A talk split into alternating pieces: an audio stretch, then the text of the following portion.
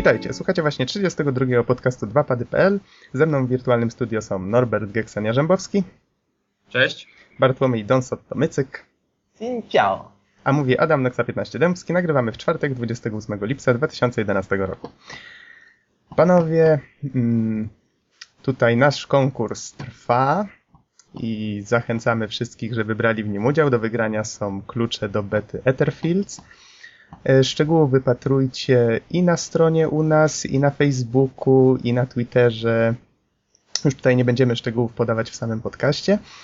E, Z kolei zachęcamy Was wciąż do rejestrowania się, żeby brać udział w zjeździe twórców gier, który będzie miał miejsce 8-11 września. Tak, i oczywiście mamy już nowe informacje na temat samej imprezy. Samo wpisowe wynosi, e, wynosi 25 zł, chociaż e, właściwie to, ile wpłacicie, zależy tylko i wyłącznie od Was. Jeśli wpłacicie więcej pieniędzy, na przykład 50 zł, te pieniądze zostaną przeznaczone na nagrody i inne upominki dla wszystkich twórców. Dlatego jeśli myślicie, że staniecie na, wysokości zadania zostanie, i zostaniecie sponsorami e, tej imprezy, to oczywiście do tego zapraszamy. Zostały też ujawnione informacje na temat noclegu. Koszt noclegu to 20 zł plus 8% VAT, czyli 21,60 za osobę za jedną noc. Natomiast y, akademiki y, Dom Studenta 4, 6 i 7 będą, y, będą udostępniać miejsca. Y, Oczywiście mamy również wiele, y, wiele prelekcji, które, które będziemy mogli usłyszeć podczas samej imprezy, na przykład No właśnie, właśnie, bo Skala? wspominałeś, że jakieś nowe, fajne zgłoszenia były. Tak, czyli na przykład skala, język programowania przyszłości, e, czy wykorzystywanie silników fizycznych w grach zręcznościowych, a na przykład e, buduj silnik i narzędzia. E, Niektóre z nich są oczywiście także mm, autorstwa teamu Etherfields, czyli tego samego, mm, którego dostęp do bety tej ich gry staramy się Wam dać. E, Natomiast e, wszystkie te inne informacje możecie oczywiście przeczytać na zjazdtwórcówgier.pl. Znajdziecie tam wszystko, czego potrzebujecie, włącznie z pełną listą prelekcji. Ja sam mogę dodać, że e, dzisiaj zarejestr- zarejestr- zarejestruję własną, a 2pady.pl również poważnie myślą nad swoją własną prelekcję. Tak, zgadza się. Tu jeszcze ostateczne zdanie nie padło na ten temat, ale myślę, że, że się tam pojawimy. Mhm. Ja tylko dodam, że tak z moich przemyśleń, jak teraz usłyszałem o tych noclegach, mhm. e, no ja bym musiał dojeżdżać, nie? Się zastanawiałem, czy codziennie dojeżdżać, ale może sobie właśnie załatwię nocleg, może być to w gruncie rzeczy całkiem niezła impreza. No, będzie grubo, zobacz. No panowie, przecież zapraszam do siebie. Będziemy, wiecie, imprezować do białego rana. Będziemy nagrywali podcasty do 6 nad ranem. W A co kółko. Ej, może i niezły pomysł. A, widzisz, widzisz. Moim zdaniem to jest najzwyczajniej genialny pomysł. No, to Okej, w takim razie ustalone. E, Tylko szkoda, że jeszcze Bizona z nami nie ma. Bizon zaginął. Nie ma kto grafiki robić, nie ma okładek, nie ma nic. Boże, co to będzie? Na helu go wcięło. Ale będziemy szukali, będziemy szukali, dopóki go nie znajdziemy. Krótko mówiąc, jeszcze nie wytrzeźwiał. Mamy nadzieję, że zrobi to niedługo. Dobrze, przejdźmy do newsów, bo mamy dzisiaj strasznie obszerny temat główny, ale newsów E. mamy dzisiaj malutko. Może zacznijmy y, od y, The Humble Indie Bundle, który już teraz doczekało się trzeciej edycji, skoro już mówiliśmy o hojności. Tutaj na przykładzie zjazdu twórców gier. Mianowicie Humble Indie Bundle jest to taka inicjatywa, która polega na tym, że y, wybrana grupa gierek indie jest y, sprzedawana, to może złe słowo, y, udostępniana za pewną symboliczną, y, za pewien symboliczny datek. Czyli możemy dać na przykład jeden grosz, a możemy dać, w sumie tutaj granica jest y, nieokreślona. I tutaj może powiedz coś więcej, Norbert, na temat tego, co tam możemy ciekawego znaleźć, bo wiem, że chwaliłeś te gry. E, Nie, nie, nie, ja niestety gier nie kojarzę, ale sama inicjatywa jest bardzo fajna. Aha, to Mm. musiałem cię źle zrozumieć. Tak, mówiłem tylko, że w dwójce nic mnie nie interesowało Humble Indie Bundle, gdyż tam były raczej takie strzelanki. Tutaj widzę, że jest większa różnorodność, prezentuje się to ciekawiej. Oj, tutaj się Em. nie zgodzę, tam chyba nawet machinarium było. W jedynce, w pierwszej akcji, w drugiej było, było w jedynce? Oj, nie jestem pewien. Nie sprawdziłem akurat, bo to trochę zaskoczyłeś mnie dzisiaj tą informacją. Może w międzyczasie była jeszcze jakaś taka edycja, że jednego studia w każdym razie Mhm. i tam były takie strzelanki od góry w stylu Alien Shooter. Nie wiem, czy kojarzysz. E, Jeszcze jedna rzecz, którą warto zaznaczyć odnośnie Humble Indie Bundle, to możecie na przykład część pieniędzy, którą płacicie za te gry, przeznaczyć na cele charytatywne. Em, Mianowicie jest taki specjalny suwaczek, nawet można na stronie głównej zamieścimy e, podejrzeć jak to wygląda, no i tam wyznaczacie jaka, jaka kwota z tej, którą przeznaczacie, będzie przekazana na który cel. Mianowicie Tak, mamy tutaj tu widzę deweloperzy. E, Nie wiem, co to jest IFF. Też w tym momencie nie kojarzę, musiałbym przeczytać. W każdym razie jest Play Humble Tip. To są prawdopodobnie organizacje charytatywne. E, Humble Tip, no to jest akurat dla Humble, dla tej organizacji, która jakby to wszystko organizuje, to to idzie na reklamy i tak dalej. A, faktycznie jest tutaj wytłumaczone. The Humble Tip goes to Humble Bundle itself. Okej, Dokładnie. W okej. każdym razie w gruncie rzeczy możecie za dolara, czy nawet mniej, jeżeli jesteście bardzo skąpi, zgarnąć, zestawić całkiem fajnych gier. Oczywiście Ja- zachęcamy do większych wpłat tutaj. Tutaj jest nie- ich 7. Cryon Physics Deluxe, COGS, E, e, Znaczy te- nie, nie. VVVV, nie wiem jak to się czyta. E, Dwie ostatnie to są organizacje chyba, to IFF i Child's Play, czyli A, gier mamy nie pięć. zwróciłem uwagi faktycznie, czyli 5, 5 gier. VVV, Hammer Fight i And Yet It Moves. Ja mam takie pytanie. Mhm. Konkretnie, czy na przykład jeśli zamówimy sobie taki zestawik, e, to czy dostajemy jakiś chociażby wirtualny certyfikat e, oryginalności? Nie jestem pewien, musiałbyś zapytać Bizona, bo pamiętam, że on poprzednio zainwestował właśnie w to Humble Indie Bundle. Y, Pamiętam, że to było coś w rodzaju strony, na której mógł się logować i pobrać te wszystkie rzeczy. Wszystkie te gry wchodzące w skład. I, I pewnie na maila dostaniemy jakieś takie potwierdzenie tutaj. Mhm, ale szczegółów niestety nie znam, więc dokładnie ci nie odpowiem na pytanie. A jeszcze z takich ciekawostek, na pierwszym miejscu e, najwyższych wpłat za Humble Indie Bundle właśnie widnieje Notch, czyli twórca Minecrafta. Mhm. E, nawet ostatnio tweetował o tym. Ja sam ostatnio sobie Minecrafta kupiłem i gra zasysa niemiłosiernie. Nawet bym powiedział, że jest niebezpieczna, gdyż w moim przypadku to już Tak, zaczęło... ja, ja dołączyłem tutaj do Norberta i dosłownie y, kopaliśmy nocami ostatnio. Ja idąc na ósmą rano do pracy, musiałem wstać w sensie na ósmą, gra mnie przyciągnęła tak, że siedziałem do trzeciej w nocy. Ma straszny syndrom, tylko jeszcze 5 minut. Tak, tak, tak. Tylko jeszcze jeden bloczek, tylko jeszcze postawię płotek, tylko jeszcze... Ale autentycznie, to, to wygląda tak, że i tak przesiadujecie, przesiadujecie, budujecie to, to swoje królestwo, coś tam kopiecie, wydobywacie coraz fajniejsze rzeczy. Dobra, Ale może jeszcze, jeszcze wspomnimy o Minecrafcie, bo to jest taki fenomen w sumie. Myślę, że warto poświęcić mu któregoś Ja myślę, że, że to po prostu jest gra dla tych, którzy nigdy nie mieli dużo Lego. Em, albo stęsknili się za Lego. Ale to mówię, wspomnimy jeszcze o tym. Dobra, panowie, mamy dwa newsy. Em, program ambasador Nintendo 3DS. To Norbert, to twoja działka. Nintendo Newsy. Nintendo Newsy.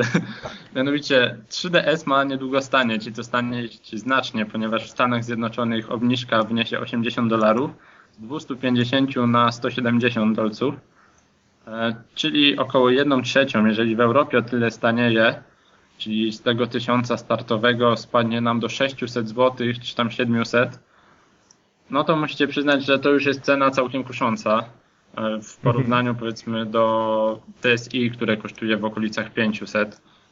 E, Więc myślę, że to. A, no i jest to spowodowane głównie właśnie podobno słabą sprzedażą 3DS-a, że sprzedaje się gorzej niż przewidywali analitycy. Mhm. I tutaj jakby zachęcają do, do zakupu w ten sposób.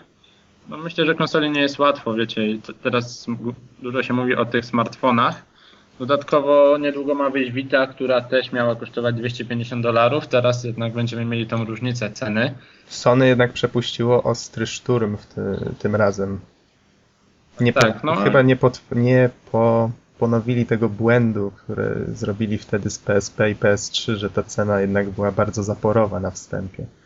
Mhm, No i tutaj ludzie właśnie mówili, że biorąc pod uwagę cenę 3DS-a i PS Vita, wybiorą PS Vita, no bo jednak oferuje więcej w tej samej cenie. No a po obniżce 3DS-a część osób może się zastanowi, może część osób, która wcześniej się zastanawiała, kupi.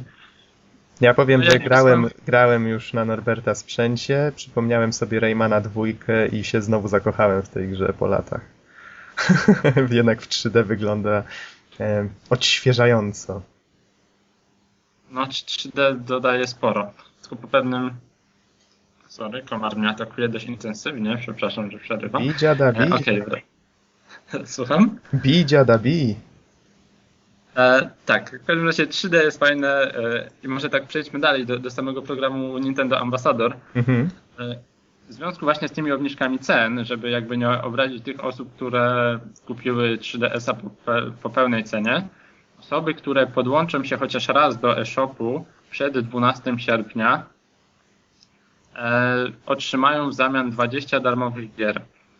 Z czego 10 będzie pochodzić z NES-a, kolejne 10 z Game Boy Advance. Mhm. O, to brzmi no fajnie. No, 20 darmowych gierek do pobrania. O, I widzę, że jest Metroid Fusion. Hmm, wspaniały.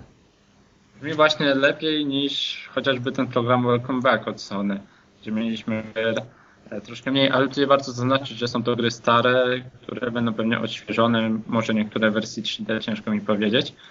W każdym razie znajdą się tam takie perełki jak Super Mario Bros., Donkey Kong Jr., Zelda, Balloon Fight, nie wiem czy pamiętacie, ja tę gierkę całkiem miło Na. NES-a? Tak, oczywiście. Tak. Ice Climber, no i z Advance'a Mario Kart, właśnie Metroid Fusion, WarioWare, o to jest szalone i genialne, e, i Super Mario Advance, z takich ciekawszych tutaj. Za samego Metroid Fusion byłbym w stanie już zapłacić, a co dopiero za całą tą resztę. Właściwie kupić go po raz drugi. A tutaj będzie za darmo do pobrania. Więc Mhm. bardzo, bardzo miły akcent. Jako posiadacz 3DS-a ja jestem zadowolony i powiem wam, że no, nie żałuję, że go kupiłem w momencie premiery, bo co pograłem to moje, owszem obniżka, ale zając za tą obniżkę jakby ja dostanę, wiecie, 20 gier, które będę miał zawsze przy sobie, no bo nawet nie będę musiał ka- kadridży nosić. Bardzo fajna No dobrze, sprawa. to w takim razie tutaj mamy całkiem fajną inicjatywę, ale mamy też trochę mniej wesołe wieści, mianowicie fani Red Faction mogą być niezadowoleni z faktu, że THQ zdecydowało em, opuścić tą markę, nie wiem czy to dobre słowo w tym przypadku. Stwierdzili, tutaj cytuję z newsa z Gramy na Maxa, że nie, nie zamierzamy już nic robić z tą marką w żaden znaczący sposób. I cała ekipa Red Faction została przydzielona do gry Insane, czyli survival horroru tworzonego przez Guillermo del Toro. Pamiętam, że ukazał się jakiś czas temu jakiś malutki teser tej gry, więc na razie cię- ciężko powiedzieć, co to takiego będzie. Jakieś, jakieś przemyślenia? No, Norbert na razie tutaj odszedł. Don nie ma przemyśleń Don bardzo na ten temat. a grałeś w Red Faction może? Y, Red Faction, e, powiem ci tak, tylko i wyłącznie w tą pierwszą, pierwszą grę. Tą, w której charakterystyczną cechą było to przebijanie się przez ściany, tak? Tak, i, i ja pamiętam, że właśnie Red Faction to, to pierwsze miało to do siebie, że to była jedna z niewielu gier, w których można było przeładowywać broń. To już się zaczęła ta epoka, w której, w której właśnie te magazynki zaczęły mieć znaczenie. Tak? To mnie Tak, zdziwiłeś. no, ja wyrosłem na Quake'u dwójce, kiedy Mhm. tego przeładowania w ogóle nie było. No tak, to Y- zgadza się. Także w wielu innych grach zupełnie tej opcji nie było. Wiesz, nie myślałem o to tym. była nigdy. nowość. Nie myślałem o tym nigdy, nawet zaskoczyłeś mnie, nawet nie wiem jak, jak tutaj... Musiałbym zbadać sprawę, zrobić mały research. Dobrze, ale tutaj w każdym razie y, poczekamy aż, aż Norbert wróci, a w tym czasie zajmiemy się naszym głównym tematem podcastu, czyli powiedz właśnie. Don, o czym będziesz dzisiaj mówił? Otóż dawno, dawno temu Za Tak, siedmioma to jest- górami. Y, To jest do, dokładnie dobre, dobre rozpoczęcie, dlatego że mówimy tutaj o grach, które powstały już 11 lat temu, ale mimo to wciąż warto o nich powiedzieć. Czuję się stary. mm, Mówimy tutaj o firmie Terminal Reality, której logo przypomina twarz ducha, zresztą bardzo trafione, e, i jej tworze, jakim był Nocturne i sam silnik, mm, który następnie został wykorzystany do zrobienia trylogii gier Blair Witch. I to właśnie o tych czterech grach dzisiaj sobie powiemy. Mhm, czyli najpierw Nocturne, który powstał w październiku, 99. został wydany pod koniec października 99, a potem Blair Witch Project, czyli cała trylogia, która została e, wypuszczona na rynek o dziwo, o tym się sam dowiedziałem dopiero teraz, przed podcastem. E, Pod koniec 2000 roku te gry wyszły praktycznie w ciągu dwóch miesięcy. Tak. Wszystkie trzy. Właściwie odległość między jedną a drugą premierą to było 20-30 dni. Mhm. Pierwsza gra, potem druga gra pod koniec miesiąca i potem trzecia gra znowuż za 30 dni. A ja mam takie pytanko, bo Blair Witch kojarzy mi się głównie z filmem jednak. E, Tak. Jeżeli dobrze kojarzę, to jest ten film, w którym widzimy wszystko z jakby Tak. perspektywy kamery noszonej przez grupę nastolatków, tak? I e, film polecam zdecydowanie, ale wracając do tematyki, czy najpierw był film, a później gry na jego fali, czy najpierw były gry, a później jakiś taki spin-off e, filmowy? Ja właśnie, właśnie podejrzewam, jakieś że takie najpierw, informacje by się przydały. podejrzewam, że najpierw był film. Gdyż swego czasu byłem bardzo za mocno zaangażowany w ten temat. E, I myślę, że tak, że najpierw był film i dopiero na podstawie filmu powstały gry. Y, Ja tutaj z faktami przylatuję z pomocą, mianowicie Wiki, ciocia Wiki mi radzi, że mm, ten film ukazał się w 99 roku. Data No dobrze. premiery 99, tak, a 3 marca 2000 w Polsce. E, Więc zacznę może od protoplasty Blair Witch, czyli Nocturne. E, Nocturne to w zasadzie jest e, oldschoolowa gra, coś w rodzaju TPP, co było zresztą bardzo, bardzo pro dawniej, dlatego że przy wykorzystując stałe kamery z renderowanymi grafikami, twórcy gier mieli okazję stworzyć całkiem dobre tło graficzne, oczywiście wyjąwszy postaci wszystkie elementy ruchome. E, No i oczywiście wadą tego rozwiązania był fakt, że kamery były stałe i akurat w Nocturnie troszeczkę walkę to utrudnia. E, Na czym polega fabuła? Otóż Spook House, czyli nawiedzony dom, to taka tajna agencja, która zajmuje się zabezpieczeniem Stanów Zjednoczonych przed y, jakąkolwiek, przed jakimikolwiek nadnaturalnymi siłami. I generalnie właśnie agenci tej firmy prowadzą śledztwa, dochodzenia na temat wampirów, potworów i wszystkich tych innych e, dziwnych wydarzeń. Sam pomysł już jest fajny. E, oczywiście mm, w grze kierujemy postacią, która jest e, najbardziej zagadkowa z tego wszystkiego. Mm, Nazywa się Stranger, raczej tak go nazywałem, czyli po prostu obcy i teraz będę nazywać, e, będę go nazywać po polsku. E, Generalnie samo granie w tą grę było dla mnie trochę zabawne, dlatego że obcy ubiera się jak, właściwie jak standardowy starszy pan w średnim wieku, e, właśnie w okresie między II wojny światowej. Ma szary kapelusz, prochowiec oraz garnitur.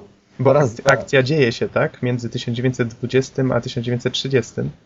Y, To znaczy, generalnie to jest także okres międzywojenny, ale także myślę, że trochę to haczy o, o okres II wojny światowej. W każdym razie Tak. było to troszeczkę zabawnie grać e, w tą grę, dlatego że outfit bohatera przypomina nieco mój strój wyjściowy. Fedorka. czarny kapelusz, grafitowy płaszcz, e, właśnie starego typu. No a jeśli mówimy na przykład o wyjściu na sesję zimową, to dołączamy do tego garnitur i wyglądam dosłownie tak jak główny bohater tej gry. Jeszcze shotgun. Oczywiście z takim wyjątkiem, że, że obcy nosi cały czas y, noktowizor na oczach, więc właściwie widzimy tylko nieprzenikalne zielone szkiełka, natomiast ja noktowizora na co dzień nie noszę. Noktowizor, ten międzywojenny okres. No tutaj już tak ma, mamy takie drobne fantazy. Tak, a ale Myślę, że, że to w ogóle klimatu nam nie psuje. e, generalnie- Wspominasz mm, tutaj, że tła były statyczne, z kolei celuje się poruszając postacią właśnie, znaczy tła, kamera cały czas patrzy w jeden punkt, a my się poruszamy Tak. postacią po okolicy, tak? I dlatego to celowanie jest troszeczkę trudne do ogarnięcia dla kogoś, kto nigdy wcześniej w coś takiego nie grał. Otóż Mi się wydaje, tutaj jeszcze przerwę ci na sekundkę, gra wyszła tylko na Windowsa. Y, Z kolei takie sterowanie na konsolach się, myślę, zrodziło. Ono było dość popularne wtedy. Alone Tam... in the Dark chyba będzie takim przykładem. O, wiesz, a to, to w sumie na konsolach to tutaj faktycznie zły podałem przykład. Masz rację. Alone in the Dark tak, tak działał. Potem Ale Alone in the Dark też jest na konsolę. Dobrze, to w takim razie kontynuuj, ja będę zgłębiał temat. Muszę E, Więc tak, kontrola właściwie jest bardzo prosta. E, Poruszamy myszkę w poziomie, e, bohater celuje w poziomie i obraca się. Celujemy myszką w pionie, bohater patrzy w górę, w dół. Także mm, celowanie generalnie ułatwia też fakt, że z broni ma, mamy takie czerwone lasery, które są cały czas widoczne, co właściwie ułatwia całość. Poza tym, jeśli bohater mniej więcej celuje w jakieś, jakąś postać wroga, to wtedy on sam namierza ją i nie ma problemu. Oczywiście mm, autorzy zalecają, że jeśli chcesz poczuć większą przygodę, to możesz wyłączyć automatyczne namierzanie i wtedy mieć większe wyzwania, aczkolwiek ja odradzam, dlatego że po prostu to irytuje i, i nie sprawia żadnej przyjemności. Zresztą to samo namierzanie nie jest zrobione tak, że po prostu, że mamy wrażenie, że gra robi na, za nas coś więcej. Po prostu to jest to takie ułatwienie. Y, Sama gra składa się z czterech autonomicznych misji, które możemy zacząć właściwie w dowolnej kolejności, aczkolwiek zalecane jest, by wykonywać je tak jak trzeba, czyli po kolei. Zwłaszcza, że choć one są zupełnie autonomiczne, mm, to one w jakiś sposób luźny się ze sobą łączą, co zostało zresztą bardzo dobrze skomponowane. W samej grze mamy bardzo dużo broni, potworów, lokacji. E, Walczymy w Chicago z gangsterami, a raczej z zombie gangsterami. E, Walczymy Zombie także gangster. How awesome is that? Dokładnie. E, Fabuła tej sprawy polega na tym, że po prostu gangsterzy z Chicago wynaleźli sposób, dzięki którym po prostu mogą powoływać do życia tych, którzy zmarli, zginęli. I w ten sposób, no wyobraźcie sobie sytuację, w której naboje policjantów byłyby nieskuteczne przeciw gangsterom. To jest właśnie fabuła tej jednej sprawy. E, Także spacerujemy po mrocznych zamkach e, wampirów, tłuczemy się z wilkołakami, z zombiakami. Tak naprawdę spraw jest dużo, potworów jest dużo, klimat jest świetny. Lokacje też zostały bardzo dobrze skonstruowane. E, Na uwagę zasługuje także silnik cieniów, który wtedy był wcale nowoczesny i bardzo, bardzo pociągający. Mm, Dynamiczne oświetlenie oraz latarka, której mógł używać bohater, były naprawdę dużym plusem i robiły duże wrażenie na ówczesnych graczach. Zresztą na mnie nad, nadal robi wrażenie. E, Klimat gry jest ponury i choć reklamowana ona- była zawsze jako horror, ja nie powiedziałbym, że jest to horror. E, Dlaczego? Przede wszystkim myślę, że autorzy jeszcze nie zrozumieli, że e, jak, jak powinno się horrorowi nadawać klimat. Otóż oczywiście mamy muzykę i pewne jingle w grze, kiedy dzieje się coś strasznego, ale są to utwory takie króciutkie, orkiestralne. I po prostu kiedy słyszymy werble, tam trąbki i te wszystkie inne rzeczy, to naprawdę nie boimy się, tylko no, wskazuje nam, że coś się dzieje, ale naprawdę nie odczuwamy strachu. Mhm. E, O ile w trzech pierwszych sprawach nie trzeba aż tak mocno myśleć, a raczej całość polega na, na walczeniu i tylko troszeczkę wysilaniu szarych komórek, o tyle czwarta sprawa, finałowa, jest właściwie esencją przetrwania oraz esencją wysilania właśnie tych szarych komórek. Zresztą jest najdramatyczniejsza, najlepiej skonstruowana. Mm, A E, tak zapytam też- może, czym to się, czy to są jakieś takie zagadki e, zręcznościowe, czy bardziej logiczne? W którą stronę to E, idzie? Powiem tak, są i takie, i takie. Mamy zagadki logiczne w stylu poznajdywać klucze do odpowiednich pomieszczeń, połączyć przedmioty w odpowiedni sposób. Mamy zagadki zręcznościowe, czyli powiedzmy tam odpowiednie dźwignie w odpowiedniej kolejności nacisnąć. E, mamy też zagadki typowo logiczne, czyli mamy powiedzmy mm, dwa lasery i za pomocą luster mm, musimy otwierać odpowiednie drzwi. To stary, dobry standard z lustrami. Y, Więc naprawdę postarało się, postarali się autorzy tej gry, żeby sprawa czwarta była najdramatyczniejsza, najlepsza, najtrudniejsza i w ogóle świetna. Generalnie Stranger jako główny bohater sprawdza się świetnie. Jest to zabójca potworów, który nie boi się niczego i co chwila rzuca swoje sławne teksty, y, które potrafią nieraz sprawić w osłupienie, y, ze względu na to, jak, jak mroźny i oschły jest ten bohater, ale także wzbudzić uśmiech. Generalnie samą grę bardzo polecam, jest bardzo dobra. Y, Same sprawy mm, zajmują około dwie godziny do ukończenia, aczkolwiek tą ostatnią, czwartą, kończyłem w 4 godziny. Więc y, tak czy siak jest to kawał dobrego, oldschoolowego gameplayu, który polecam każdemu, kto lubi ponure, ciekawe i intrygujące wątki. No i już. Polecam. Mhm.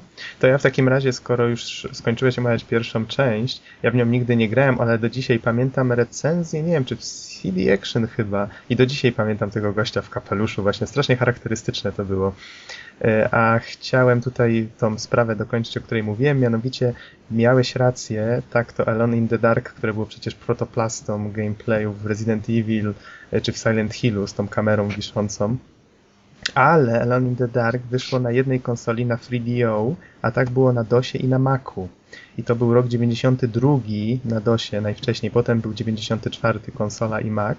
Z kolei Resident Evil wyszedł w 96 więc y, na PlayStation, więc można powiedzieć, że Nocturne no, w pewnym sensie wzorował się na najlepszych. Tak.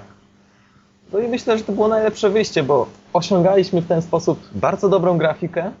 e, No i już, przy niezbyt y, dużych wymaganiach sprzętowych, co było dużą zaletą. Właśnie jeszcze wtedy, w dawnych czasach.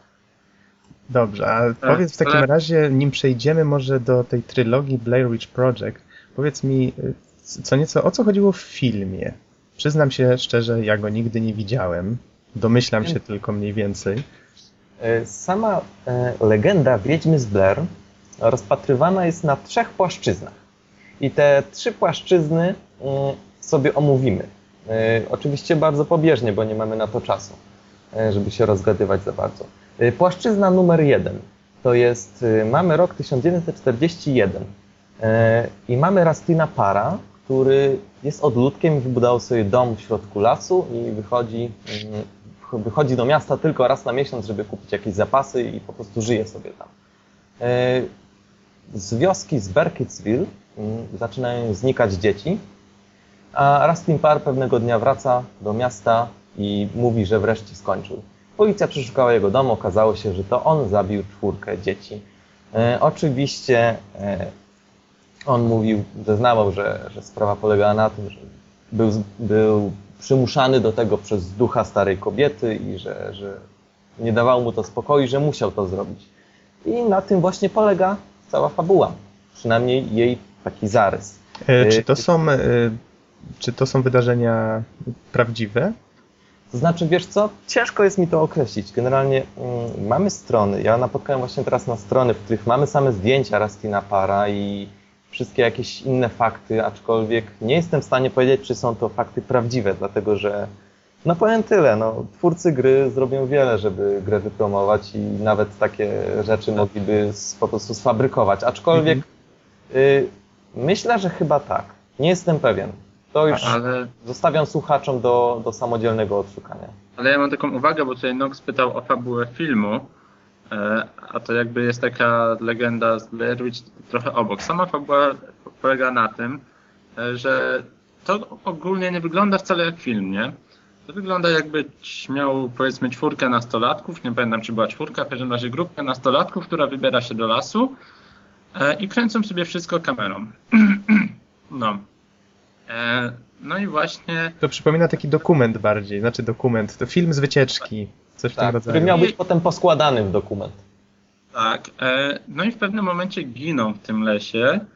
No i zaczynają się tam dziać dziwne rzeczy. Na przykład śpią sobie w namiocie i nagle coś zaczyna im, wiesz, e, poruszać ścianami namiotu, nie? Się to, jakieś tak, tak jakby ktoś miał, rę, jakby się ręce, rękoma zaczął e, tą ścianę szarpać, nie? I Mhm. nie wiesz, co się dzieje. Przez cały film nie, nie wiadomo do końca. E, znajdują jakieś dziwne rzeczy w tym lesie, ale film jest genialny ze względu właśnie na to, że najpierw nie wiesz, czy to w ogóle jest film, czy to jest dokument. Ja to pytanie sobie zadawałem do końca filmu, no bo właśnie są tam takie dziwne, szalone, tajemnicze rzeczy, e, ale nie są one przesadzone. One mogłyby się zdarzyć równie dobrze naprawdę, nie? I właśnie nie, nie wiem, czy ten film jest jakoś na faktach oparty. Yy, I-. Yy, powiem tak. Mm, Ten To może nie zdradzaj, pozwól mi żyć nawet w nieświadomości, wiesz? Bo ja, ja do tej pory, jak to wspominam, to mam ciarki dosłownie. Ej, to ale chodzi, że to w takim razie ten film musi być całkiem niezły, skoro zgaduję, że budżet był niewielki, skoro był kręcony w ten był sposób. bardzo niewielki. W takim razie to jest świetny pomysł, żeby go tak nakręcić. Ale to świetnie muszę zbudowana was, atmosfera. yy, muszę was rozczarować, dlatego że ten film od początku do końca był reżyserowany. To jest fikcja. Nie no, nawet oczywiście, to, nie to nie wątpię. Aktorzy, którzy grali główne role w tym filmie, zabroniono im pojawiać się na konferencjach, na wy, udzielać wywiadów i tak dalej, tak jakby oni naprawdę zginęli. Y, Twórcy y, wypracowali taką, taką jakby własną legendę, mit wokół tego filmu i naprawdę próbowali przekonywać nas do tego, że to jest prawda, że to się Aha. wydarzyło naprawdę, że naprawdę znaleźli te, y, te taśmy i po prostu je pokazali nam. Natomiast no niestety nie. Ale jak siadasz do tego bez przygotowania, tak jak mówię, ja na ten film trafiłem, wiesz, przypadkiem x lat temu, ładnych parę, a do dzisiaj go pamiętam, e, no to nie wiesz, naprawdę nie wiesz, czy, czy to jest prawda, czy nie. Tam są takie często, wiesz, niewyraźne ujęcia, jak to taką amatorską kamerą kręcone, szarpane i tak dalej. Oni raz włączają tą kamerę, komentują, nie? Na przykład jesteśmy już tutaj któryś dzień, coś tam, coś tam i widać, jak się łamią psychicznie, tak na serio nie wiesz, no polecam ci ten film, jeżeli nie widziałeś, Mhm. Siadaj śnia- i nie wiem, załatw go sobie skądś e, i oglądaj. Warto, warto. Tutaj trochę masz już zepsuty klimat. No, Wybacz. ale, no, no, ale zdaję sobie sprawę, że to takie filmy to najlepiej, tak jak mówi Don, tutaj cała promocja i sposób jego marketingu, to najlepiej by się go pewnie oglądało w momencie, jak on wychodził. E, Ale kiedyś na pewno nadrobię. nieświadomym, zaraz. tak jak ja.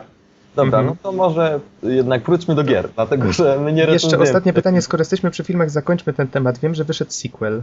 Tak. Wiecie coś na jego temat? Y, Blair Witch 2 Księga Cieni. Nie oglądałem go, ale został już na, nakręcony jako zwyczajny film, y, bez właśnie y, w postaci takiej dokumentu czy amatorskiej kamery. Po prostu zwyczajny film i z tego co wiem jest dosyć kiepski. Także Rozumiem. No to czy- czyli nie potrafimy powiedzieć na jego temat zbyt wiele, po prostu jest. Blair Witch 2 Księga Cieni. Tak, Tak, to przejdźmy w takim razie do tego, co najważniejsze, czyli do tej trylogii gier twórców Nocturna. Tak.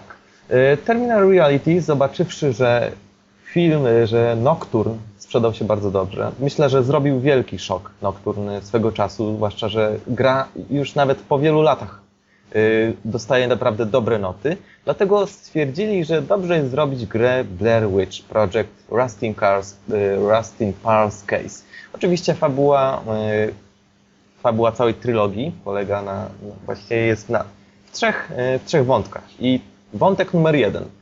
y, 1941 rok. To, to co powiedziałem wcześniej o Rustinie Parze, który zabił dzieci.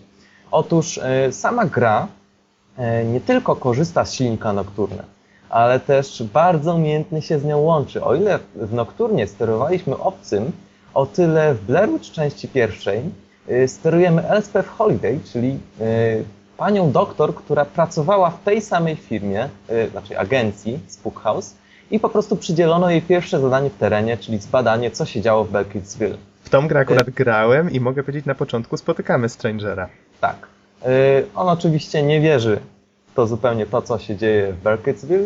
Oczy- Oczywiście on już tam wcześniej był, zbadał sprawę i niczego nie zauważył. A skoro Stranger nic nie zauważył, to sprawa jest zamknięta, tak? Y, Otóż bohaterka zostaje wysłana i generalnie y, gra korzysta oczywiście y, z silnika Nocturna, nawet go troszeczkę udoskonala i muszę powiedzieć, że korzysta nie tylko pełnymi garściami, ale także idealnie wykorzystuje jego możliwości. Ja pierwszy raz w Blair Witch część pierwszą grałem, kiedy miałem 15-16 lat i muszę przyznać, że gra była bardzo straszna i bardzo klimatyczna, Oj tak. a także bardzo estetyczna mimo starej grafiki. E, Silnik Nocturne e, bardzo się zaznacza tutaj. E, Właściwie to jest dokładnie to samo. Nawet, nawet samym menu to widzimy, dlatego że z silnika Nocturne został nawet wybór sprawy. Mimo, że sprawę mamy tylko jedną, to i tak ten wybór wciąż jest. Ikonka zresztą jest taka sama, tytuł gry taki samy, eksek Mhm. jest, więc klimat jest genialny. Mimo stosunkowo małej ilości NPC i lokacji, fabuła wciąż przyspiesza, mamy do, do czynienia z ciągłymi zwrot, zwrotami akcji. Yy, naprawdę grając tą grę nie wiemy, co się, co się stanie za chwilę.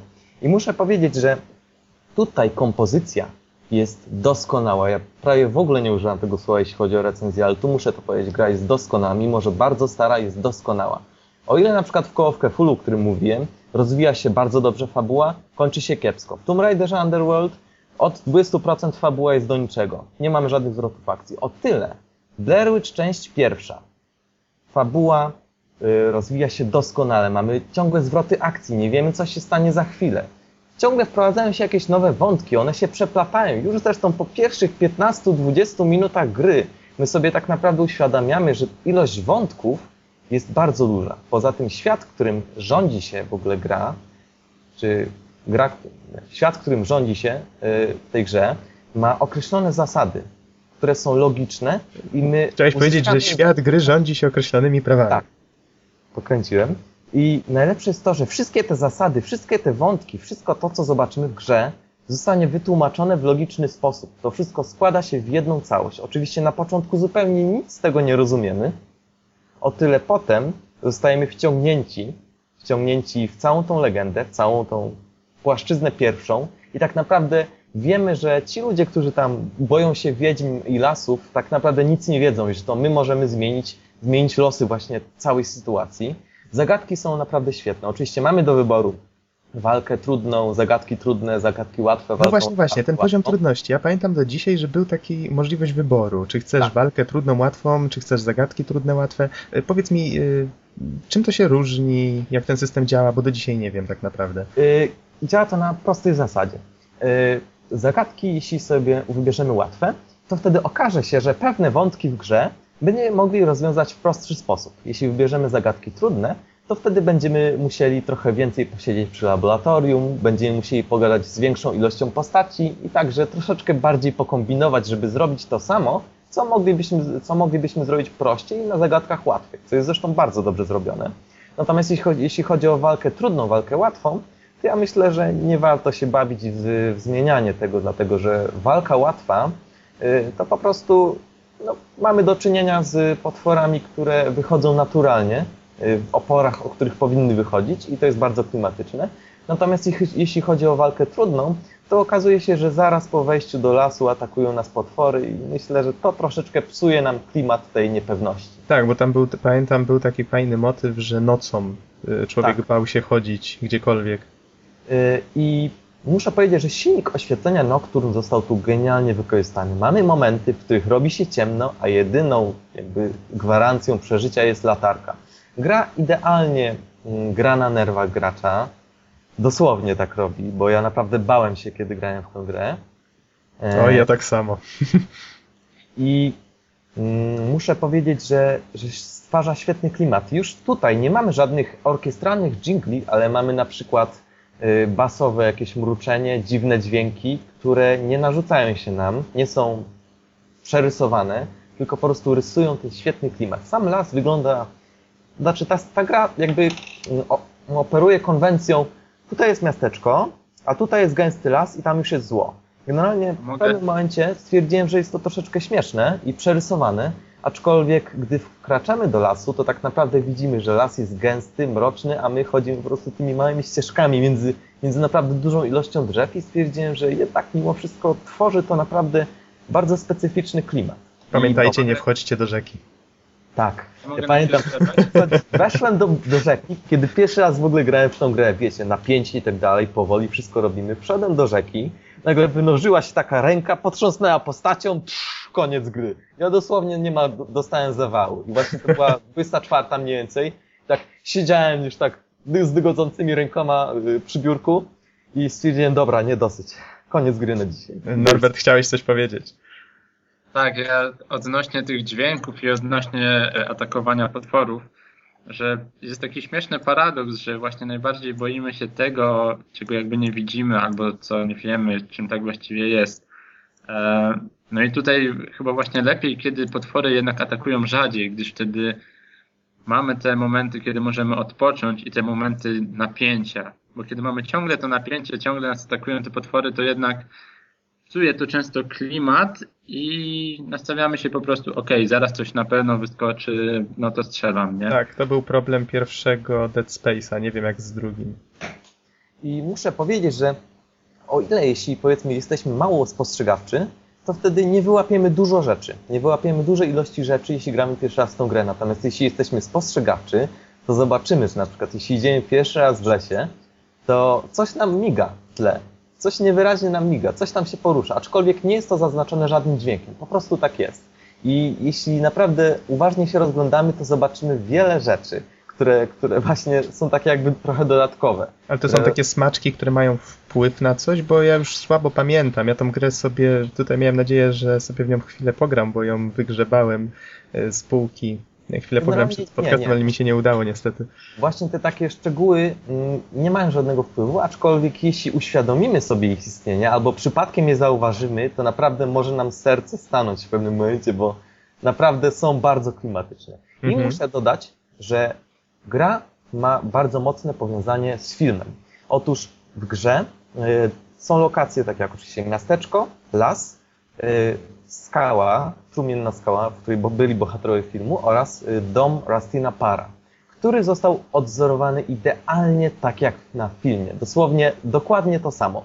Także na, kiedy zejdziemy do piwnicy, No, Tylko pamiętaj, żeby nie spoilować filmu ani gry, wiesz, tak tylko uprzedzam. to zobaczycie coś naprawdę ciekawego. Y, także zostało to Ja. bardzo przemyślane i bardzo dobrze skonstruowane. Ja Gra właśnie sobie coś uświadomiłem odnośnie filmu. dobrze, dobrze myślisz, dobrze myślisz. T- t- y, t- tak myślałem, że zaraz powiesz, uświadomiłem sobie coś, co nie wiem, czy chciałem sobie uświadamiać. Ej, A z tymi nocami, jak mówiłeś, tutaj Norbert do mnie napisał coś, co po prostu muszę powiedzieć. E, Napisałeś do mnie, że to jak w Minecrafcie, strach przed nocą. To jak to ktoś mądrze powiedział w Minecrafcie swojej pierwszej nocy nigdy nie zapomnisz. I, I coś w tym jest, coś w tym jest. Tak. Y, Generalnie muszę podsumować. Mimo, że gra jest bardzo stara, to przeciwnicy, no wiadomo, że tam przeciwnik, który już nas goni, który tam, którego widzimy, już nie jest straszny. Natomiast gra tak umiejętnie nimi operuje, że na dobrą sprawę nie widzimy tego, że to jest stary silnik. My nadal myślimy, że to są inteligentne istoty, które się na nas zakradły i naprawdę cały czas jest to napięcie. Podróżowanie po lesie jest naprawdę straszne, jest przerażające, jest ponure. Naprawdę tego klimatu nie udało się powtórzyć żadnej z części. I muszę dodać, że chociaż mamy te trzy lokacje, o których wspomniałem, to las to jest e, cała mapa. I po prostu to, na, to miejsce, ta część e, lasu, w którym dzieje się akcja właściwa, to jest tylko połowa. I druga połowa jest zupełnie niewykorzystana. Ja nie wiem zupełnie dlaczego tak się dzieje, ale drugą połowę również można zwiedzać i tam jest drugie tyle samo lasu. Mhm. I naprawdę mnie to zdziwiło, bo naprawdę w tym lesie można pobłądzić, można się nieźle poprzechodzić i o, o ile fabularnie postacie mówią, że do domu Rastina parem idzie się 4 godziny, o tyle myślę, że jeśli pierwszy raz jesteś w lesie i boisz się i nie wiesz, co się zakradnie, to podróż zajmie ci jakieś 30-40 minut. Także podsumowując, gra mimo swego starego wieku, mimo troszeczkę przestarzałej technologii, doskonale operuje wątkami, fabuła jest świetna, trzyma w napięciu do końca, ciągle wprowadza nowe wątki i przeplata stare w logiczny sposób. Walka jest naprawdę świetna, mimo że to jest stary silnik. Gra operuje świetnymi przeciwnikami, gra operuje świetnie grafiką, oświetleniem, klimatem 6 na 6 od bardzo, bardzo surowego jurora. E, Wow. Ja mam, jeszcze, ja mam jeszcze takie pytanko, mianowicie e, najpierw polecasz obejrzeć film, czy zagrać w grę? No bo Yy, Najpierw bo obejrzyjcie film, grę, może a dopiero potem, y, dopiero potem obadacie, jakie, jakie od- odniesienia do filmu ma gra. I chciałbym jeszcze dodać, że w samej części pierwszej mamy już relacje i zapowiedzi części kolejnych. Także jeśli nie macie już kolejnych pytań, macie pytania? Czyli tak, to był 3 październik 2000 roku, a teraz trrr, przechodzimy 25 październik 2000 roku. Tak, a w linii fabularnej gry idziemy do prequela części drugiej, Legenda Coffin Rock. E, E, Zaraz, czyli niecały miesiąc? Tak, dokładnie 22 dni. Co Dali sugeruje, że gry? były tworzone równocześnie. Tak, to dokładnie, dokładnie. Yy, Dobrze, Blair Witch część 2, Legenda Coffin Rock. Prequel. Akcja dzieje się w 1863 roku. Wcielamy się w żołnierza walczący w wojnie secesyjnej, który, no właśnie, dostał w głowę i to bardzo mocno. tak, yy, nabojem, ledwo co przeżył. Został wyciągnięty przez małą dziewczynkę z lasu do, do farmy swojej babci, gdzie on jest przez parę dni leczony. No, czy raczej mm, skrzeszany, to byłoby lepsze określenie, dlatego że bohater jest blady jak ściana i w ciągu tych paru dni ginie w lesie e, mała dziewczynka, gubi się. No i oczywiście Łazarz, bo tak nazywa, uj- tak nazywa babcia tego bohatera, który na, na dobrą sprawę nie pamięta nic ze swojej przeszłości, jest jedyną osobą według mnie, która może odnaleźć dziewczynkę, więc wyruszamy w podróż. E, I podczas tej podróży mm, przypominamy sobie pewne detale e, z, z, właśnie z faktów, z kiedy jeszcze był żołnierzem i kiedy był tam służbowo zabijać rebeliantów i wszystkich innych złych ludzi. I fabuła właśnie toczy się na tych dwóch płaszczyznach. Łazarz i Robert McNichol z przeszłości. I to, to napra tak naprawdę zwiedzamy y, dwa, y, każdą lokację zwiedzamy dwa razy. Tyle, że zwiedzamy ją na płaszczyźnie współcześnie i zwiedzamy ją na płaszczyźnie kiedyś. I Aha. to naprawdę zostało świetnie zorganizowane. Y, mimo to, że gra naprawdę wykorzystuje oczywiście ten sam silnik Nocturne, trąci starością. Niestety, o ile Blair Witch część pierwsza po 11, prawie 12 latach dalej przyciąga graczy i ja mam, powiem szczerze, że mam ochotę ukończyć ją jeszcze raz za rok, za dwa lata, e, to o tyle Blair Witch część 2 trąci starością. W dodatku, gra reprezentuje zupełnie inny poziom strachu, wszystko jest raczej ponure. Mamy brak ciemnych miejsc. No właśnie. E, co zrobić z grą, która ma idealnie skomponowany system oświetlenia, Y, z latarkami i tak dalej. Zepsuć ją? Żeby nie było tam ciemnych miejsc. Dokładnie. Zróbmy to. I zrobili to. Wyobraźcie sobie, że o ile jest tam latarka, to ona praktycznie nic nie pomaga. Nie ma tam miejsc ciemnych, w których po prostu, tak jak w część pierwszej, mieliśmy tylko i wyłącznie latarkę, giwerę i modlitwę o to, że przeżyjemy. No i generalnie została wprowadzona jedna ciekawa rzecz, trochę dziwna, strzelanie do duchów z rewolwera które pomaga i walczenie z nimi szablą i tak dalej, co zupełnie, zupełnie zepsuło klimat. Gra jest bardziej zręcznościówką. Mm, wprawdzie reprezentuje ze sobą klimat ponury, ale na pewno nie straszny. O ile w części pierwszej przeciwnicy wyskakiwali na nas, kampili dosłownie, czekali, wyskakiwali z zaskoczenia, yy, sprawiali, że naprawdę baliśmy się ich, o tyle po prostu tutaj idziemy i taki jeden z drugim sobie stoi, chociaż, chociażby nie wiem jak był straszny, to i tak niestety żadnego wrażenia na nas już nie zrobi, dlatego że widzimy, że to jest, a, to jest tylko potwór, który jest na prostą inteligencję, po prostu ma podejść do nas i niektóre robią to powoli, próbują nas atakować, także zupełnie to psuje klimat. Fabuła natomiast jest bardzo dobra, jak powiedziałem, odbywa się na dwóch płaszczyznach, aczkolwiek jest jeszcze jedna wada tej gry, oprócz tego, że trąci starością, i niektóre cutscenki naprawdę są złe. Otóż gra jest bardzo krótka. Ja y, tuż przed podcastem y, jakieś 70-80% gry, od, od 20-30% do samego końca, przeszedłem w godzinę góra półtorej. Także, rany. Także, no znaczy, weźmy pod uwagę to, że ja wiedziałem co robić, ale nie mamy tam zbyt wielu jakichś wymagających zagadek. Y, raczej mm, gracza zainteresuje fabuła, którą gra przedstawia, niż, niż sposób, w jaki to robi. No i przy okazji nie brzmisz na osobę śmiertelnie przerażoną, więc domyślam się, że horror też jest z, jej, z niej nijaki. Niestety, zupełnie to spartolili, ale mogę to tłumaczyć tak, że po prostu w jednym czasie trzy firmy się za, za, zabierały za te gry. Za część pierwszą Terminal Reality zrobili to na szóstkę z plusem, jak Boga kocham. Mhm. Część drugą robili Human Head. Studios. Tak, Human Head, swoją, odwali, swoją robotę odwalili raczej za czwórkę i to jeszcze taką czwórkę z przymrużeniem oka, niestety, dlatego że gra jest momentami bardzo mało estetyczna i trąci starością, mimo że część pierwsza, która teoretycznie powstała w tym samym okresie, jest o wiele lepiej skonstruowana i chowa te wszystkie wady silnika. No i tyle, no 4 plus z przymrużeniem oka. Jakieś A pytania? z tego co wiem i mi mówiłeś przed podcastem, z trójką jest niestety jeszcze gorzej. Jeszcze gorzej. Aha, i muszę jeszcze oh. dodać coś a propos dwójki.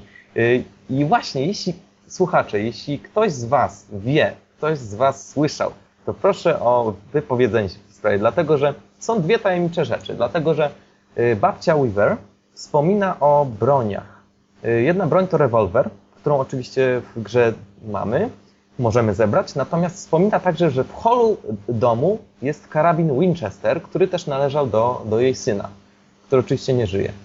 Ja tego karabinu nie mogłem za cholerę znaleźć. Po prostu jego, jego tam nie ma. Mimo, że postaci o tym mówią, że jest ten karabin, tego karabinu tam nie ma. Y, druga część zagadki. Y, czytałem recenzję CD Action i tam wyraźnie powiedziano, że w grze dysponujemy karabinem Winchester.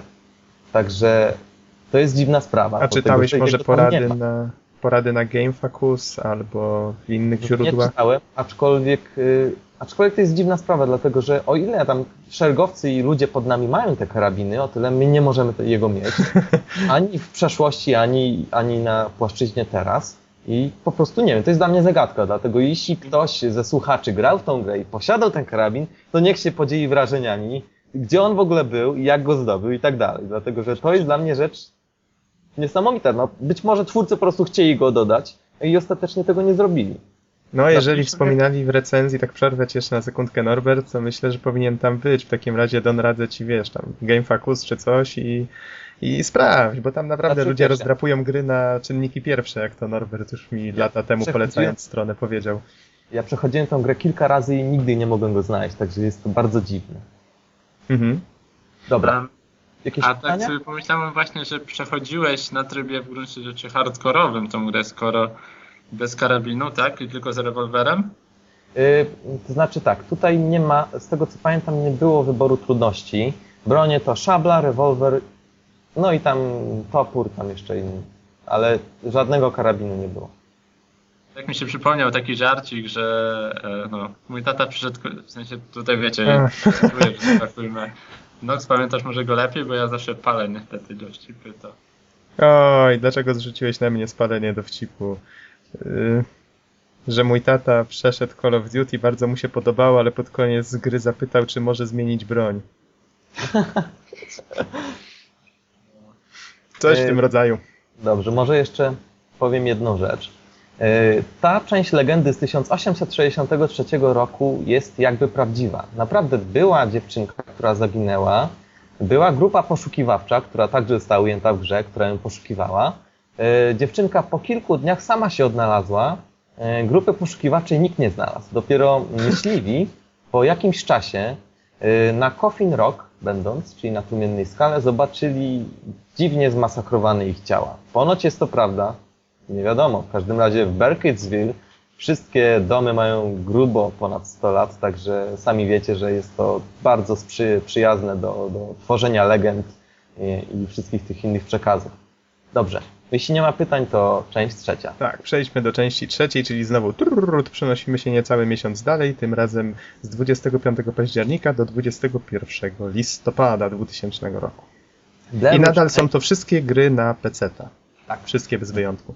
Blair Witch, część trzecia. Historia Ellie Kedward. Oczywiście Tak. I stworzona przez in, jest znowu innego dewelopera, Ritual Ritual Entertainment. Którego ja osobiście kojarzę ze strzelanki Sin.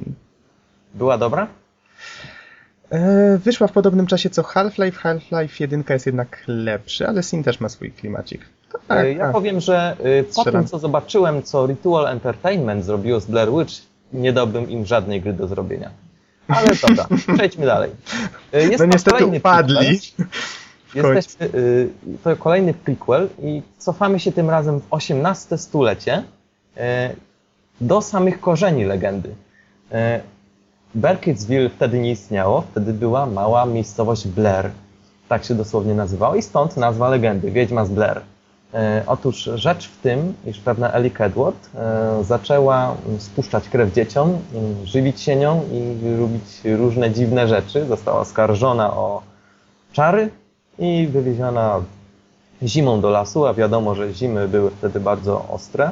Zwłaszcza w lasach. oczywiście do, do, do jakiegoś tam drzewa i po prostu tak zostawiono. No, w domyśle zginęła ona na miejscu, po oczywiście pewnych cierpieniach i zamrożeniu się, że się tak ujmę. Yy, No i już, no i po pewnym czasie zaczynają ginąć dzieci.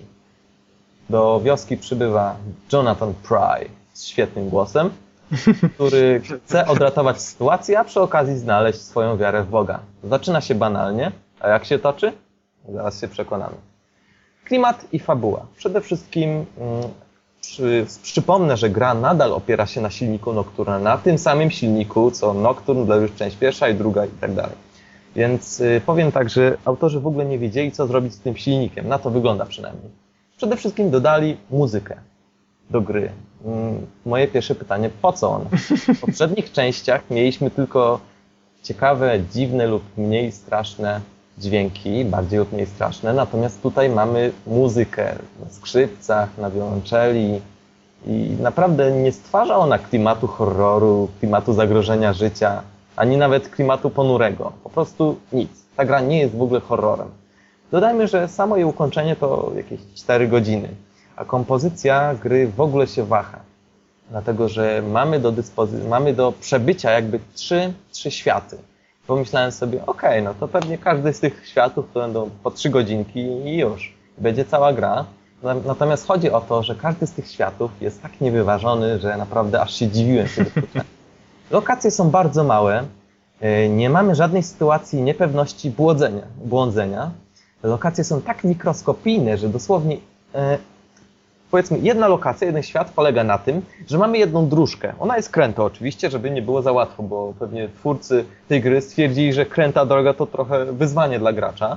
Tak, tak. Musimy iść najpierw troszeczkę w prawo, potem troszeczkę w lewo, w prawo i koniec, tak? Coś I oczywiście, mm, żeby nie było tak trudno i żeby stworzyć jakąś, powiedzmy tam, mm, powiedzmy taką charakter, taki klimat, że tam coś więcej jest, to zostało zrobionych kilka odnóg, ale ta odnoga po prostu biegnie 10 metrów i się kończy. Także to jest jedna dróżka i już. Wszystkie światy na tym polegają. E, poza tym mm, okropne komiksowe obrazki podczas ładowania. I logo autorów na pół ekranu jakby nie wstydzili się tego, czego zrobili. Wyobraźcie sobie, że te postaci są bardzo karykaturalne i komiksowe. Na pewno każdy z Was kojarzy przerysowaną postać sędziego z, z tą taką swoją peruką białą oraz z takim dużym podbródkiem na pół głowy. To właśnie tak wygląda sędzia w Berkit's Blair. Aha. Sam bohater Y, o ile wygląda w miarę normalnie, to ma nienaturalnie długie nogi i szeroko rozstawione i kiedy on biega, to wygląda jakby on, nie wiem, chciał uniknąć otarcia w pachwinach. No, no tak wiesz, po prostu jak, jak rekrutowali głównego bohatera, no to on myślał, że do survival horroru to chciał szybko biegać. Ale no... No cóż. Nie przewidział. W każdym, razie, y, w każdym razie tak samo jak, y, jak w części pierwszej mamy do dyspozycji y, notatnik razem z notatkami. Nie wspomniałem, przepraszam bardzo, że w części pierwszej mamy do dyspozycji notatnik, rekordy wszystkich rozmów, jakie toczymy i właściwie tam nawet zdjęcia, które bohaterka robi, także naprawdę dużą dokumentację bohaterka robi. No i tutaj niby jest podobnie. Mamy ten, mamy ten jakby notes, no i cóż, powiem szczerze, że ten notes został perfidnie skopiowany z części pierwszej, nic nie zmieniono. Nawet y, mamy długopis w XVIII wieku. Długopis? Tak, bo w części pierwszej, kiedy, kiedyśmy, y, kiedyśmy oczywiście przeglądali ten notatnik, to ikonka, to kursor miał kształt długopisu, no to w części trzeciej też, no po co to zmieniać? No kto, to, kto się w ogóle zorientuje, że, że długopis tu nie powinien być? No. Ja się boję, że to oni się nie zorientowali z pośpiechu. E, poza tym e, muszę powiedzieć jeszcze o dziwacznym odgłos Facepalma. Dziwaczny error, który napotkałem w grze, który był tak dziwny, że, że aż zrobiłem mu zrzut ekranu i go zachowałem sobie. Aha. E, otóż, zresztą ja go tutaj mam na dysku i ja go przeczytam.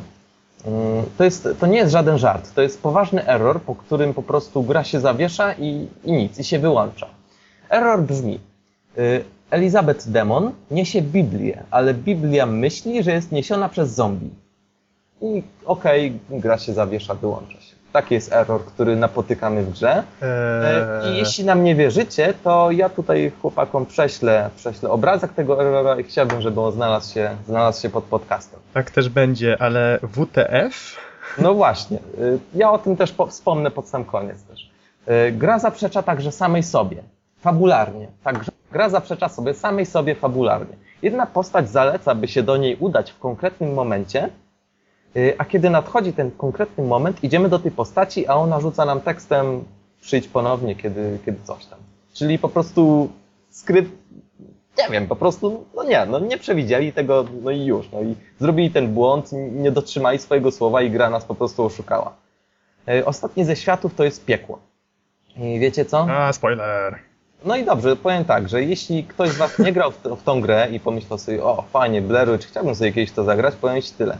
Ja specjalnie zagrałem w tą grę i teraz ją recenzuję, żebyś Ty już nie musiał tego robić. Także, yy, także właśnie pod taki jest cel. Jeden Ale mówisz tylko o trójce oczywiście. Tak, tylko oczywiście o trójce. Yy, I tak, yy, ostatni świat to jest piekło. I pomijając już fakt, że, że jeden z bossów to jest po prostu skopiowany boss e, z, z części pierwszej, e, to w grze napotykamy Baala. Ale no, nie, poważnie, ja wchodzę i, i Baal, ale no, ja rozumiem, legenda Blair, Wiedźma z Blair Witch i tak dalej, nie? Baal? N- No może... Baal ma do tego. Ludzie kochani, no. Bal, Ba- stary kumplu, co ty tutaj robisz? Nie, nie, po prostu szybko go zabiłem i po prostu nawet po, wymazałem ten moment ze swojej pamięci. On próbował po, po wrotach Baldura, to próbował jakąś e, nową rolę dostać. No widocznie się chłopakowi nie udało zbyt dobrze trafić. Muszę powiedzieć, że w grze mamy y, dwa rodzaje przeciwników. Znaczy kilka, kilka rodzajów przeciwników. Wszyscy oczywiście to są perfidne zrzynki z Nocturna, z Blair Witch części pierwszej. Widzimy te same tekstury, te same modele. Wiele zombich nawet są w nowoczesnych strojach, także Aha, czyli ci terroryści, nie terroryści, Boże, y, gangster. gangsterzy zombie, tak, dziękuję. Gangsterzy zombie w roku 1785? Y, no coś ten deseń. Brzmi dobrze, jest jeszcze razie- piekło i. Bardzo, Kurde, ta gra jest lepsza niż myślałem. Tak. Y, powiem tak, niektóre zombie mają nowoczesne stroje, czy na przykład y, biała koszula, strój biurowy, nie? To, to, to są dosłownie to są skopiowane postaci z Nocturne. A ci, którzy nie są, to jest tylko jeden rodzaj zombie. I wiecie co? Powiem, powiem wam coś. Ile można oglądać zombie, które mają y, standardową białą koszulę, brązowe spodnie i szelki? Bo wszystkie tak samo wyglądają. Oczywiście pomijając fakt tych skopiowanych. No, E, Fabuła też kupy się nie trzyma. E, Niby mamy ratować dzieci, ale e, które jakieś 5-6 dzieci zginęło z wioski, a potem jeszcze kilka dzieci indiańskich. Tyle, że sęk w tym, że większość uratowanych dzieci to Indianie, natomiast dziecko kolonistów jest tylko jedno. Co się stało z pozostałymi? Nie mam pojęcia. Jest także jeden element. Pod koniec gry musimy szybko uciekać ze świata piekła, dlatego że jest jakiś rytuał, e, który, który się który trwa i po prostu jest licznik, musimy uciekać. Natomiast ja w ogóle nie wiem, co to jest za rytuał, nie wiem, co to jest za licznik i nie wiem, co, bo, co oni w ogóle o nas chcą. W każdym razie muszę powiedzieć, że, że szybko opuściłem tę lokację, jeśli daje mi taką możliwość i już. Po prostu to kupy się nie trzyma. Nie mamy tu nic wytłumaczone. Natomiast jeśli chodzi o grafikę, to teoretycznie powinna być na trochę lepszym poziomie graficznym, na poziomie w ogóle, bo w końcu ostatnia część, trochę lepsza technologia, parę miesięcy lepiej i tak dalej. W razie, Parę miesięcy. Mm. e, Właśnie to w każdym razie powiem wam e, postaci kobiece. Standardowa XVIII-wieczna kobieta nosiła suknię. Czy po, czy po prostu długą spódnicę. No Mhm. i twórcy wykorzystali ten fakt, żeby ułatwić sobie pracę. Otóż nie wymodelowali nóg tych postaci. Czyli, po wszyscy, prostu- nawet mężczyźni, noszą spódnicę. Nie, nie, nie, tylko kobiety. Ale kobiety mają tę spódnicę i nie mają wymodelowanych nóg. One unoszą się w powietrzu. I po prostu twórcy doszli do wniosku, że sam fakt, że ta spódnica jest, po prostu zakryje, tego, zakryje ten brak nóg. Natomiast Dosłownie ich przynosi. No dosłownie. I y, o ile te, właśnie ta szata jest, właśnie ten silnik Nocturna wytworzył, y, wytworzył silnik poruszania się y, płaszcza, mat, kawałku materiału na wietrze i bardzo ładnie to zresztą wygląda, zresztą wykorzystywany bardzo mądrze w wielu elementach gry, aczkolwiek y, właśnie przez to perfidnie widać, że te postaci nie mają nóg. To jest okropne, naprawdę. Y, natomiast jest także latarka. Coraz lepiej. nie muszę dodawać, że w tej grze w ogóle nie ma ciemności. I wiecie co? Opiszę wam, jak działa latarka. Wyobraźcie sobie, że jesteście w Photoshopie i macie jeden czarny, czarny powiedzmy obrazek, czarny. A co to jest Photoshop? Yy, Imp. wybieracie sobie powiedzmy tam Photoshop albo GIMP. Yy, wybieracie sobie jeden z tych pędzli, który jest takim okrągłą kulką, białą, tak, z, tak, z pewnym po prostu wygładzeniem krawędzi. Stawiacie tą kropkę, białą na czarnym tle. I teraz wyobraźcie sobie, że w środku tej kropki znajduje się bohater. I ta właśnie mm, biała kropka to jest żółta kropka, tak na dobrą sprawę. Yy, Przepraszam, ale właśnie twoje rozważania na temat kropek przywołały do mnie jakąś tak gigantyczną ćmę, że jak mi przeleciała koło ucha, to myślałem, że ogłuchnę. Dobra, więc mm, wracając do tematu. Zwierzęta nas dzisiaj sobie, że, że w środku tej żółtej kropki znajduje się bohater. I tak właśnie działa latarka. Odpalamy latarkę i wokół bohatera tworzy się krąg jasności. Alleluja. No i dosłownie tak to wygląda. Nie ma żadnego, nie, chrzanić, system oświetlenia, chrzanić cienie. Po prostu tworzymy takie krągi i wszystko jest jasne. Oczywiście nie muszę chyba mówić, że, że w ogóle ten przedmiot jest bezużyteczny. Yy, Brzydkie przejście animacji. Gra w ogóle wygląda jak jeden wielki bug, naprawdę. Postaci dziwnie się poruszają, animacje dziwnie w siebie przechodzą podczas cutscenek. Właściwie same te cutscenki wyglądają bardzo, bardzo, na awary, wyglądają bardzo awaryjnie po prostu. I, i, I po prostu masz wątpliwość, czy to się dzieje tak, jak powinno się dziać. I w większości przypadków to nie dzieje się tak, jak powinno się dziać. Oczywiście już powiedziałem, że wrogowie skopiowani z część pierwszej, ale powiedzmy coś może o broniach. Grze mamy mnóstwo, mnóstwo broni, bo chyba nawet 10. Podzielone są na kilka kategorii. Broń ręczna, broń pogańska, chrześcijańska i tak dalej. Tak, w grze mamy do czynienia na przykład z Biblią, możemy jej używać y, do wykonywania egzorcyzmów, oczywiście w bardzo uproszczony sposób. Rzucasz nią we wroga. Nie, nie, ona. y, Wiesz co, jakkolwiek idiotycznie ci to nie zabrzmi, ale z Biblii jest żółty laser. Wow. Y, tak, słaba organizacja broni. Większość broni działa na manę, a przy tym sporo z nich przy dwóch czy trzech atakach zużywa całą. Właśnie, grze mamy dwie, dwie wartości. Mana y, oraz amunicja. Y, większość broni korzysta z many i właśnie użyjemy jednego ataku Biblii i większość many już nie ma. Także na dobrą sprawę nie mamy nawet sytuacji, nawet nie mamy zresztą czasu, żeby wykorzystać te 10 broni. Yy, dlatego, że po prostu po, po pokonaniu każdego bossa, które są bardzo mało estetyczne, yy, dostajemy jego broń. I tej, tych broni mamy 10 i po prostu nie mamy sytuacji, nie ma tylu sytuacji w grze, żeby je wszystkie wykorzystać. Poza tym, skoro jedna broń, yy, po prostu większość broni zużywa tak mocno manę, że i tak kończy się, że korzystamy z tego pistoletu i już. E, Dodam, że wiele broni wykorzystuje perfidnie efekty z Nocturne, które nawet nie zostały wyedytowane, a broń ręczna, która okazuje się takim dużym krzyżem z, z takimi kolcami, jest bardzo nieskuteczna, dlatego że przeciwnik musi być w dokładnie określonym punkcie, by ostrze przez niego nie przeniknęło. Nie po prostu- przeniknęło. tak, czyli po prostu ostrze w większości przypadków przenika przez przeciwnika, choć nie powinno, a on musi się ustawić w jednym konkretnym punkcie, żeby go zaatakować. To oczywiście czyni tą broń totalnie bezużyteczną. Korzystanie z broni jest średnio wygodne, jest po prostu ich za dużo. Eee, No i oczywiście są bardzo niewyważone. Mm, Z przeciwników wypadają przedmioty. Co to jest jakiś RPG? Nie no, poważnie. O ile w Blair Witch części drugiej mieliśmy rebeliantów, czy tam żołnierzy południa, po prostu których ciała mogliśmy sprawdzać i mieliśmy tam na przykład amunicję albo coś tam do uzdrowienia się. Acz, Aczkolwiek- na mnie je. O tyle teraz po prostu e, zabijamy przeciwnika e, i po prostu z niego wypada jaś, jaśniejąca fiolka z życiem, jaśniejąca fiolka z maną, jaśniejąca fiolka z amunicją. Do, dokładnie tak to wygląda. I dodam, że kiedy celujemy, to wtedy postać miga na czerwono, co zupełnie chyba pasuje wam do klimatu horroru i zaskoczenia, prawda? No i kiedy walczymy, to, to gra muzyka taka niezbyt pasująca w ogóle do horroru. Zagadki w grze są bardzo nieprzemyślane i bardzo proste. Każde z uratowanych dzieci e, daje nam przedmiot, który musimy wykorzystać w odpowiednim momencie. E, Zagadki generalnie są bardzo proste, więc nawet nie ma tu o czym mówić tutaj. Nie jest żaden wysiłek zagrać w tą grę. Kwestie aktorów e, nie odtwarzają się, a przynajmniej część z nich, e, co może być powodem, że grałem na Windowsie Vista, aczkolwiek, e, no właśnie, gra jest trochę awaryjna, najwyraźniej po, prostu pod Vistą nie, nie działa zbyt dobrze. Pewna ilość dźwięków nie odtwarza się w ogóle lub za późno. To też jest pewnie, nie, to nie jest wynik działania Visty, to akurat nie jest wynik działania Visty. Generalnie mm, właśnie na tym Windowsie 7 czy Viście y, gra jest trochę awaryjna, aczkolwiek generalnie cały silnik działa dobrze, tyle że jeśli na przykład y, wyjdziemy do menu i chcemy kliknąć na opcję, to wtedy musimy czekać jakieś 3 minuty, y, żeby, żeby w ogóle coś się stało. M- I Mnie się czasie narzuca. Nic nie robić, bo, bo po prostu y, bo po prostu się gra zawiesi. Ja już kończę. Nie ma obawy. Okej, okej, chciałem coś. Kompozycja gry jest zła, organizacja trzech światów jest źle zrobiona, całość w ogóle kupy się nie trzyma. I jest jeszcze jedna fajna zagadka. Otwierasz drzwi piekle i jest totalny odlot, dosłownie. Otwierasz drzwi w piekle i bohater zostaje wystrzeliwany w powietrze. Czekasz 30, 30 sekund, spada i się zabija. Wow. Po prostu ja musiałem kilkakrotnie od, y, spróbować otworzyć w ogóle te drzwi, żeby, żeby tego błędu nie napotkać. To się nazywa piekło. Tak, Pikachu, użyj ataku Biblii. Dobrze, a teraz krótkim słowem podsumowania.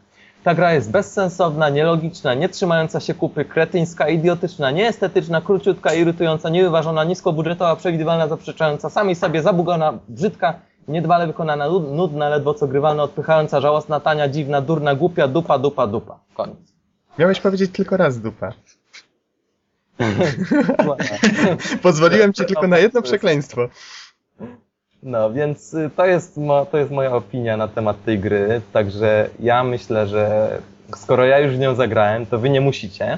I to jest właśnie zaleta. Natomiast y, myślę, że jednak mimo wszystko chyba warto w to zagrać, dlatego że po prostu myślę, że chociaż raz w życiu trzeba przez to przejść i w ogóle zobaczyć, że coś takiego w ogóle istnieje. Natomiast, y, natomiast ja do studia Ritual Entertainment powiedziałbym po prostu idźcie do domu i w ogóle weźcie się za szydełkowanie czy nie wiem, obieranie ziemniaków, bo robienie gier chyba wam trochę nie wychodzi. Spokojnie, spokojnie. Tak jak pytałeś, że nie wiesz co to za rytuał, no to właśnie to Ritual Entertainment, a oni... No, no właśnie. Oni po wypuszczeniu Scene Episodes Emergence w 2006 roku, no zwinęli manatki i już raczej nie zagrażają ci, więc spokojnie. O, mogę spać spokojnie, dziękuję. No, no właśnie. No, aczkolwiek, no cóż, powiem tak. E, Generalnie cała seria, może podsumowując wszystko, to trzy gry oparte na silniku Nocturne.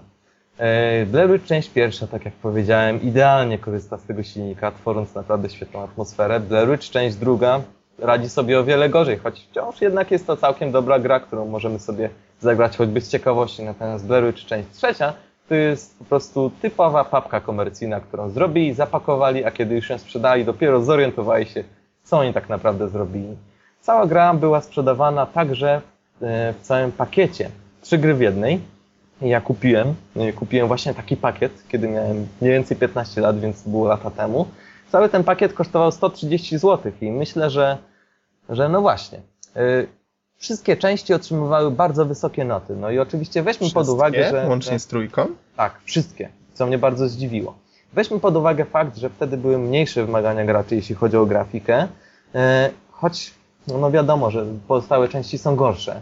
Natomiast myślę, że po prostu mm, część trzecia także dostała wysoką, wysoką notę, dlatego że po prostu Blair Witch to jest jedna część serii, która jest świetna. Dlaczego ta gra nie miałaby być świetna po prostu?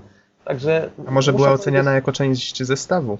no właśnie, i, i muszę też powiedzieć, że grafika, właśnie jak na tamte czasy, była całkiem dobra, aczkolwiek została schrzaniona, jeśli chodzi o zmiany animacji i tak dalej. Także niby silnik Nocturne został ulepszony, ale tak naprawdę ta gra w ogóle nie wykorzystała jego możliwości. Widać, że właśnie, jak powiedziałeś, że ci twórcy odpowiadali za strzelanki, to najwyraźniej stwierdzi, no dobra, to jest horror, to nie, zróbmy z tego arkadówkę. No i zrobili z tego arkadówkę. Także... No, nie to- tylko strzelanki, ale tak uogólniając. Mogę powiedzieć, że, że ta gra ma wartość tylko i wyłącznie sentymentalną. Mam jej oryginał także wraz z instrukcją. I, I po prostu myślę, że jako, ona ma wartość tylko i wyłącznie jako część serii Blair Witch. Y, Po prostu innej wartości ta gra nie ma. Jeśli spojrzymy na to troszeczkę z dystansem i z, e, z, jakiegoś, e, z jakiejś perspektywy czasu, to wtedy zobaczymy, że ta gra nie reprezentuje za sobą nic, co mogłoby gracza przyciągnąć, a bardziej raczej irytuje. I szczerze powiedziawszy, bardzo się cieszę, że że, że nie ukończyłem gry, kiedy miałem właśnie 15-16 lat, dlatego że po prostu złapałem się na jednym takim bugu, dzięki któremu po prostu nie mogłem gry ukończyć. E, Myślę, że dobrze, dlatego że nie zepsułem sobie w ogóle opinii o całej serii. E, No i już, to jest, to, to są moje wrażenia na temat Nocturna, Blair część pierwszej, Blair część drugiej, Blair część trzeciej. Dziękuję, dobranoc. E, jeszcze mam Ładnie powiedziane. takie pytanko, jako właśnie osoba, która oglądała film. Nawiązania do filmu są tylko w części pierwszej, tak? Tak. Aczkolwiek część pierwsza nawiązuje do części drugiej i trzeciej. Do części drugiej mamy nawiązania w postaci takiej, że jedna z postaci relacjonuje nam, że był taki łazarz, natomiast y, nawiązanie do części trzeciej, no cóż, rozmawiamy sobie z postacią z części trzeciej. Zdaje A mi się, że po prostu te studia ze sobą współpracowały i one Tak. wymieniały się informacjami prawdopodobnie, ale jak widzimy to raczej nie pomogło. Prawdopodobnie te dwie pozostałe gry były tworzone bardzo na prędce i tak, żeby zdążyć właśnie na termin wydania pierwszej. E, Znaczy widać, że mieli tutaj mały bufor czasowy, ale prawdopodobnie to było, było powodem jakości tych gier, po prostu I pośpiech. właśnie, no, właśnie teraz mamy taki świetny przykład, dlatego że Nocturne to jest powiedzmy taki silnik, który już jest przestarzały, aczkolwiek Blair Witch część pierwsza operuje tym silnikiem w taki sposób, że nigdy byście nie powiedzieli, że to jest słaba gra. Że, że w ogóle, że zauważylibyście jakieś tam wady tego silnika. Widocznie sami twórcy, którzy go stworzyli, oni wiedzieli, co wycisnąć z tego silnika Tak. i na co zwrócić uwagę, na co nałożyć, położyć nacisk, żeby pokazać jego najlepsze cechy. Tak, a to wszy- wszystkie tam Human Head jeszcze, o, o ile tam jeszcze jakoś dali, dali radę, o ile o tyle Ritual Entertainment zawalił sprawę po całości. I powiem szczerze, że jako fan, ja to mówię wszystko jako fan całej serii, Jestem bardzo, bardzo rozczarowany tym, co się stało z trzecią częścią. No i generalnie brakuje mi tutaj części czwartej, która byłaby sequelem, bo powiem tyle, że, że można byłoby coś takiego zrobić i dziwię się, że po prostu czegoś takiego nie ma. To ja tutaj może już kończąc y, takim swoim małym przemyśleniem, ja grałem tylko w jedynkę, y, znaczy przemyśleniem właściwie, to z takim sentymentem, bo muszę przyznać, że to jest faktycznie jedna z nielicznych gier, ta jedynka Blair Witch Project. Mm, Jedna z nielicznych gier, które do dzisiaj uważam za naprawdę straszne. Nie wiem, może dzisiaj już bym trochę inaczej na to patrzył, ale Powiem tak, faktycznie ja fani horrorów powinni nadrobić zaległości, jeżeli nie grali w tę grę. Ja ci powiem tak, dopiero kiedy przechodziłem tą grę za trzecim razem nie bałem się. Za pierwszym i drugim razem naprawdę bardzo mocno się bałem. To muszę to w ja takim to- razie spróbować wrócić do Ja niej. dorzucę takie trzy słowa od osoby, która właśnie nie grała e, w żadną z części serii, ale oglądała film. To przekonaliście mnie, żeby zagrać w jedynkę. Ja muszę zejść do tej piwnicy po prostu. Tak. Mówiłem, to jest coś, czego nie chciałeś sobie uświadamiać. Ja wiedziałem.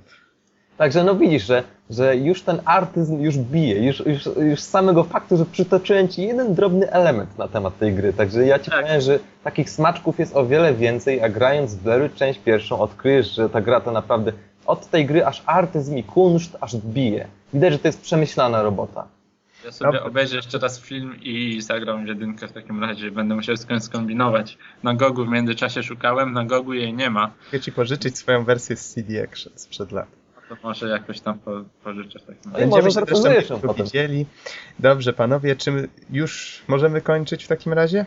Tak, już myślę, wymęczyliśmy słuchaczy. Dobrze, w takim razie dziękujemy wam bardzo za słuchanie i zapraszamy do następnego podcastu. Trzymajcie się. Do Na usłyszenia. razie.